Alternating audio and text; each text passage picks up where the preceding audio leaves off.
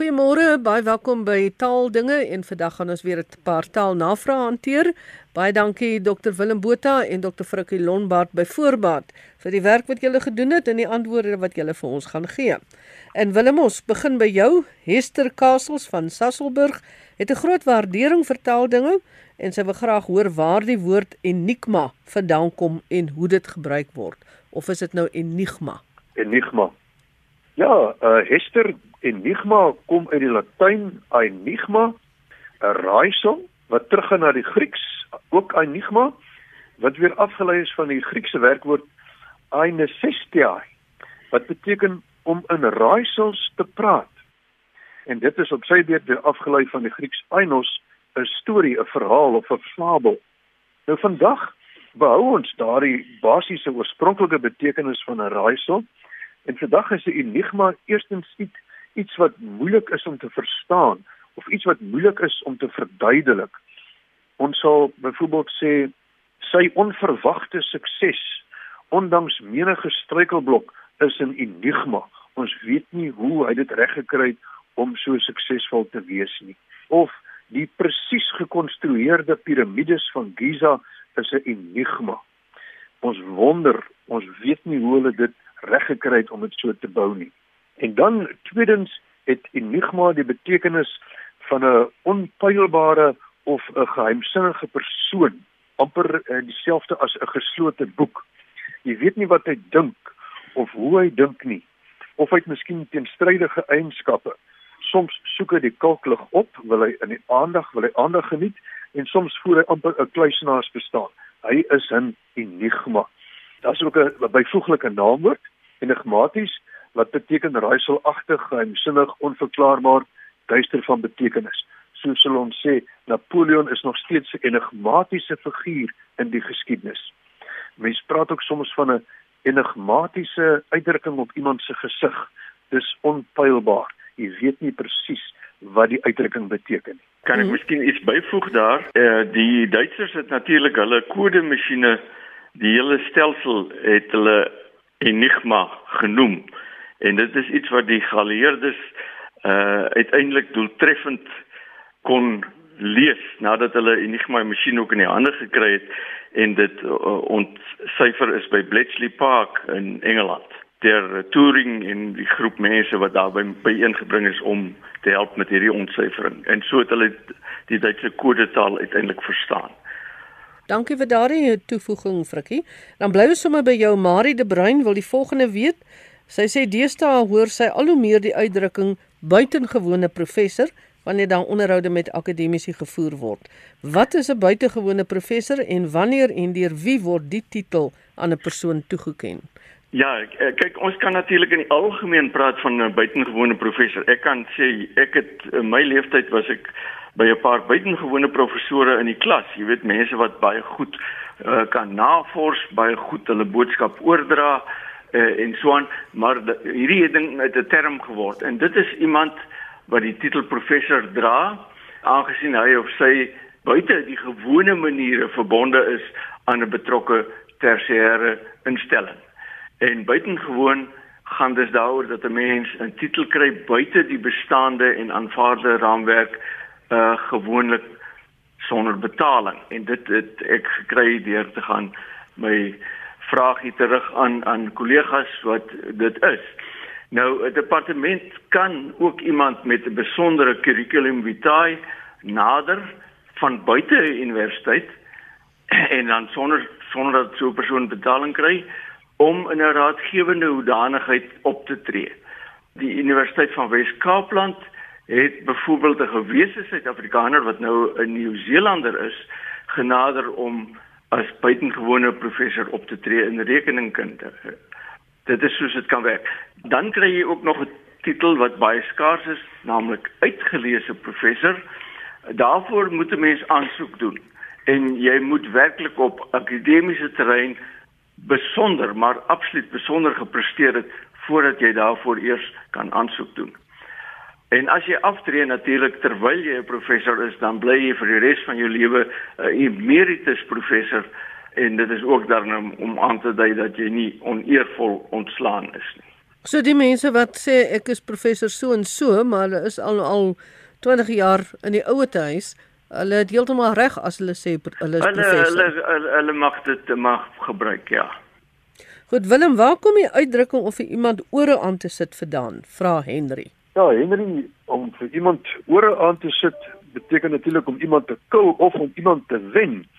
Nou ons het dit uit Nederlands en daar verwys dit na eselsore om dus van iemand 'n esel te maak. Maar dit is 'n uitdrukking wat ontstaan het uit die gebruik om kinders op skool te straf vir hulle domheid. Vreeslik om iemand te straf vir sy domheid, maar iemand wat nou so gestraf word, kry dan eselsore op sy kop en hy moet dan so rondloop. Hy's dan gebrandmerk as 'n dom oor, as iemand wat dom is. Maar dit is blykbaar al van die 16de eeu in in Nederlands toegepas en in Nederlands is die uitdrukking natuurlik iemand een oor aannaaien of iemand een paar oren aannaaien. Die gebruik of die uh, verskynsel van van eselsore kom eintlik al uit die Griekse mitologie. Daar's die verhaal oor die wedstryd tussen die gode Pan en Apollo. Nou dit gaan daaroor oor wie die mooiste musiek kan maak. Pan het op sy fluit gespeel en Apollo op sy harp. Almal het gedink dat Apollo gewen het, maar die Frigiese koning Midas het vir Pan gekies en Pan het toe die mooiste musiek gemaak vir ons hom en was die wenner. Apollo was so kwaad dat hy toe nou Midas se ore verander het in eselsore. Midas het toe gesorg dat sy ore nooit weer in die openbaar sigbaar is nie en het altyd onder sy mis verberg. Maar sy haarkapper het die geheim geken. En die haarkapper moes toe sweer dat hy nooit die geheim van die eselore aan enige iemand sal vertel nie. Maar op 'n goeie dag raak hierdie geheim net vir hom te veel en hy grawe 'n gat in die grond en hy fluister daarin: Koning Midas het eselore. En later groei daar toe 'n riet in die gat en toe die riet nou volgroei is en die wind opsteek, toe fluister die riet hierdie woorde die hele tyd dat die koning eintlik eselore het. En daar was dan ook die einde van die geheim. Frikkie, iemand sê daar is op 'n taalforum gevra dat daar oor die woord konsuis gesels moet word hier by ons op die program. Gesels. Wel, dit is in die taalforum uh, is dit gevra en ek het gedink ek ek hanteer dit dan maar ek, ook sommer hier. Nou die konsuis, ons ken dit eintlik beter as kwansuis wat as 'n byvoeglike naamwoord en bywoordelik ook gebruik kan word. Dit kom uit die Nederlands kwansuis en Middelnederlands quamsis wat uh, met 'n q geskryf word en dit gaan terug na Latyn quamsi wat beteken asof. Nou die eerste optekening in hierdie woord van quansuis en ook konsuis is deur Mansveld en dit is in 1884 opgeteken. Dit beteken eintlik maar net sogenaamd na bewering op die oog af of skynbaar. En dikwels word dit gebruik om te laat blyk dat iemand of iets nie met te veel erns benader word of beheen moet word nie of om twyfel te laat blyk. Ek gebruik 'n voorbeeldsinnetjie opmerklik dat dit juis die besigste mense is wat tyd vind om te maak, om sake aan te pak waarvoor baie ander mense nie kans sien nie omdat hulle dan kwansuis net nie die tyd het nie. Wat en dan gaan ons bottelstoer toe. Frik is ontstel oor die gebruik van die woord bottelstoer. En dis nie hierdie frikkie nie. Goed, Willem, kom ons hoor wat sê jy van van ander frik. Ja, hierdie frik uh, is ontstel oor die gebruik van die woord bottelstoer soos dit deur 'n inbeller na RSG gebruik is. Dit was nie een van die aanbieders van RSG nie, maar 'n inbeller. Nou, hy sê bottelstoer is 'n gruwel en uh natuurlik 'n bottelstoer 'n frik is uh, nie meer baie gangbaar nie. Dis 'n direkte vertaling van die Engels bottle store. Maar interessant genoeg, in die ou dae het jy dit dikwels op die drankwinkels se muur gesien. Bottle store in Afrikaans dan. Maar ehm um, drankwinkel het sedertdien gewen en uh, dit is 'n baie beter keuse op die oomblik in Afrikaans. 'n Drankwinkel is natuurlik 'n saak waar drank by die bottel verkoop word, maar jy mag dit nie daar drink soos in 'n kroeg nie. En uh, by die WAT is daar 'n baie interessante aanhaling van Jochum van Bruggen by die Lemma drankwinkel, naamlik Ompie is so dig soos 'n bottel brandewyn in die drankwinkel. Jy kan alles sien, maar niks proe nie. As ek nou net hier kan 'n druppeltjie in die emmer ook gooi of 'n druppeltjie in die in die uh, drankbottel. Bottelstoor is so 'n ingeburgerde woord veral in die platte land. Ek dink die mense sal dit noodwendig uitgroei kry nie en dit vir my opinie is 'n mens moenie dit probeer uitroei nie. Dit is maar hoe mense dit ken. Ja, nee, ons hoef nie te probeer ooit om enigiets uit te roei nie want ons kan nie, né? Mens kan nie vir mense werklik hmm. voorskryf nie. Maar 'n uh, drankwinkel het nou maar die meer aanvaarbare woord geword. Maar uh, soos jy sê bottelstoor is redelik gevestig en daar's baie min wat ons daaraan kan doen. En die feit dat daar van tevore op die winkel geskryf gestaan het bottelstoor uh, is bewys daarvan veral in die platteland. So uh, ja, dit is daar, maar 'n drankwinkel word deesdae as meer respektabel, as meer verfyn beskou. Maar maak nou nie saak bottelstoor of drankwinkel nie, hulle is almal so toe soos kan kom deesdae. Frikkie, 'n luisteraar wil weet waar ons aan die woord miskien kom. Ja, en dit was vir my so 'n interessante vraag want toe ek die ding lees, toe dink ek wag maar waar kom dit vandaan? Ek weet nie. Ehm uh, en toe ek nou maar gaan grawe. Nou hy het ook in Afrikaans ander wisselforme soos maskie en miskie waar die n net gewoon weggelaat word. En dit gaan terug na die Nederlands toe. Miskien En daardie miskien is ook op 'n ouer vorm gebaseer, naamlik magskien. En dit het ontstaan uit het mag skien. En dit die voller vorm daarvan is het mag geskieden. Met ander woorde dit mag of dit kan gebeur, dit mag geskied of dit kan gebeur. En daarom is ons uh definisie ook dat op so 'n wyse is dat dit kan of mag wees of onseker is dat er iets kan gebeur uh, of dit gaan nie gebeur nie. Miskien daar's 'n voorbeeldsin uit die Hobsons uh, se skrywe 'n nuwe brandwag van 1932. Miskien word daar dan ondersoek ingestel, miskien ook nie. En dit kom dan naby sinoniem as dalk, dalk of dalkies. Maar soos ek sê, ja, dit kom uit uiteindelik uit 'n vorm uit mag skien dit kan gebeur of dit mag dalk gebeur. Roof Jakob sit 'n navraag oor 'n gesegde van sy vrou en dit is ek het nog nie 'n pil van 'n dag oud gedrink nie. En hy vra nou of ons die kloutjie by die oor kan kry want hy kan nie. Willem. Ja, ons is hier op baie gevaarlike terrein. Roof, jy plaas dus in 'n baie moeilike situasie. Jy sê julle is al 55 jaar getroud en nou vra jy vir ons om jou te help om die kloutjie by die oor te bring oor dinge wat jou vrou sê. Maar ons sal probeer. Uh jy sê sy het dit by haar moeder gehoor. Nou wat gewoonlik gebeur is dat wanneer jy nou wanneer hulle nou saans bed toe gaan, dan sal sy vrou sê: "O gats, ek het nog nie 'n pil van 'n dag oud gedrink nie." Dan bedoel sy sy het vergeet om daardie dag se pille te drink. Nou, ek dink dis maar net 'n 'n baie mooi manier om te sê dat jy iets op 'n spesifieke dag vergeet het om te doen, iets wat op daardie dag gedoen moet word. Miskien het haar moeder ook gesê ek het nog nie 'n brood van 'n dag oud gebak vandag nie. Met ander woorde, ek moes nou al my brood gebak het vir hierdie dag. Toe hierdie dag se brood is nog nie gebak nie. Hierdie dag se pil is nog nie gedrink nie. Uh, ek kan maar net bespiegel ehm um, Rolf werklik uh, is my baie mooi uitdrukking maar uh om vir my om vir my te vra waar dit vandaan kom, weet ek nie. Maar uh die ding van van 'n dag oud, hoe vir my sê dis iets wat vandag moes gebeur het, jy's al 'n dag agter.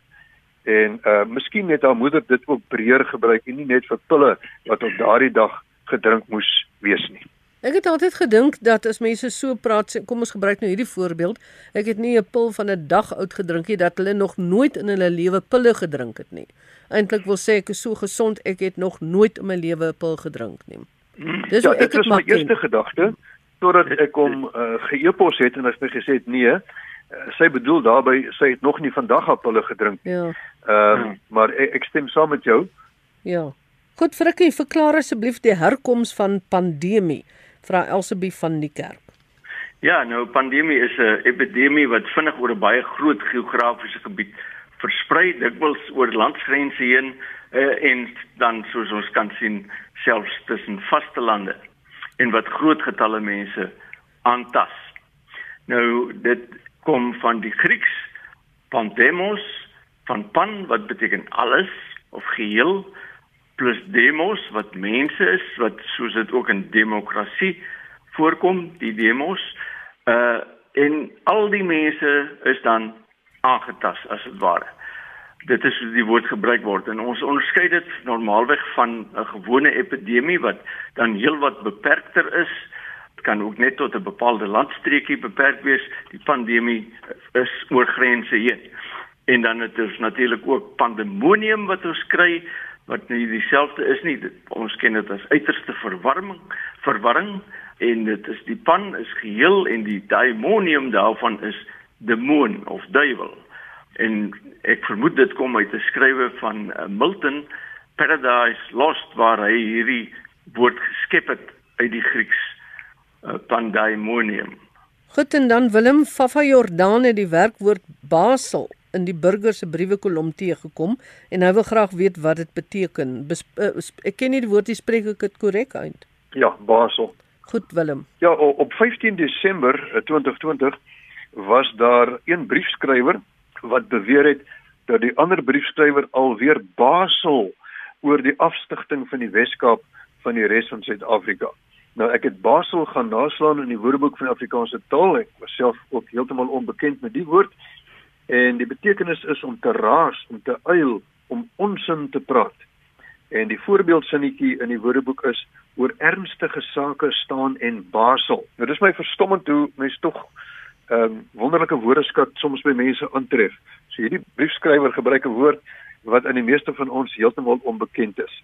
Nou dit kom uit Nederlands baselin wat in Nederlands gebruik word om aan te dui dat iemand onsamehangend praat.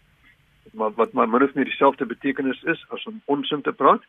Baselin beteken om onsamehangend te praat en dit is 'n frekwentatief van die Middel-Nederlandse vorm basen en basen beteken om te uil.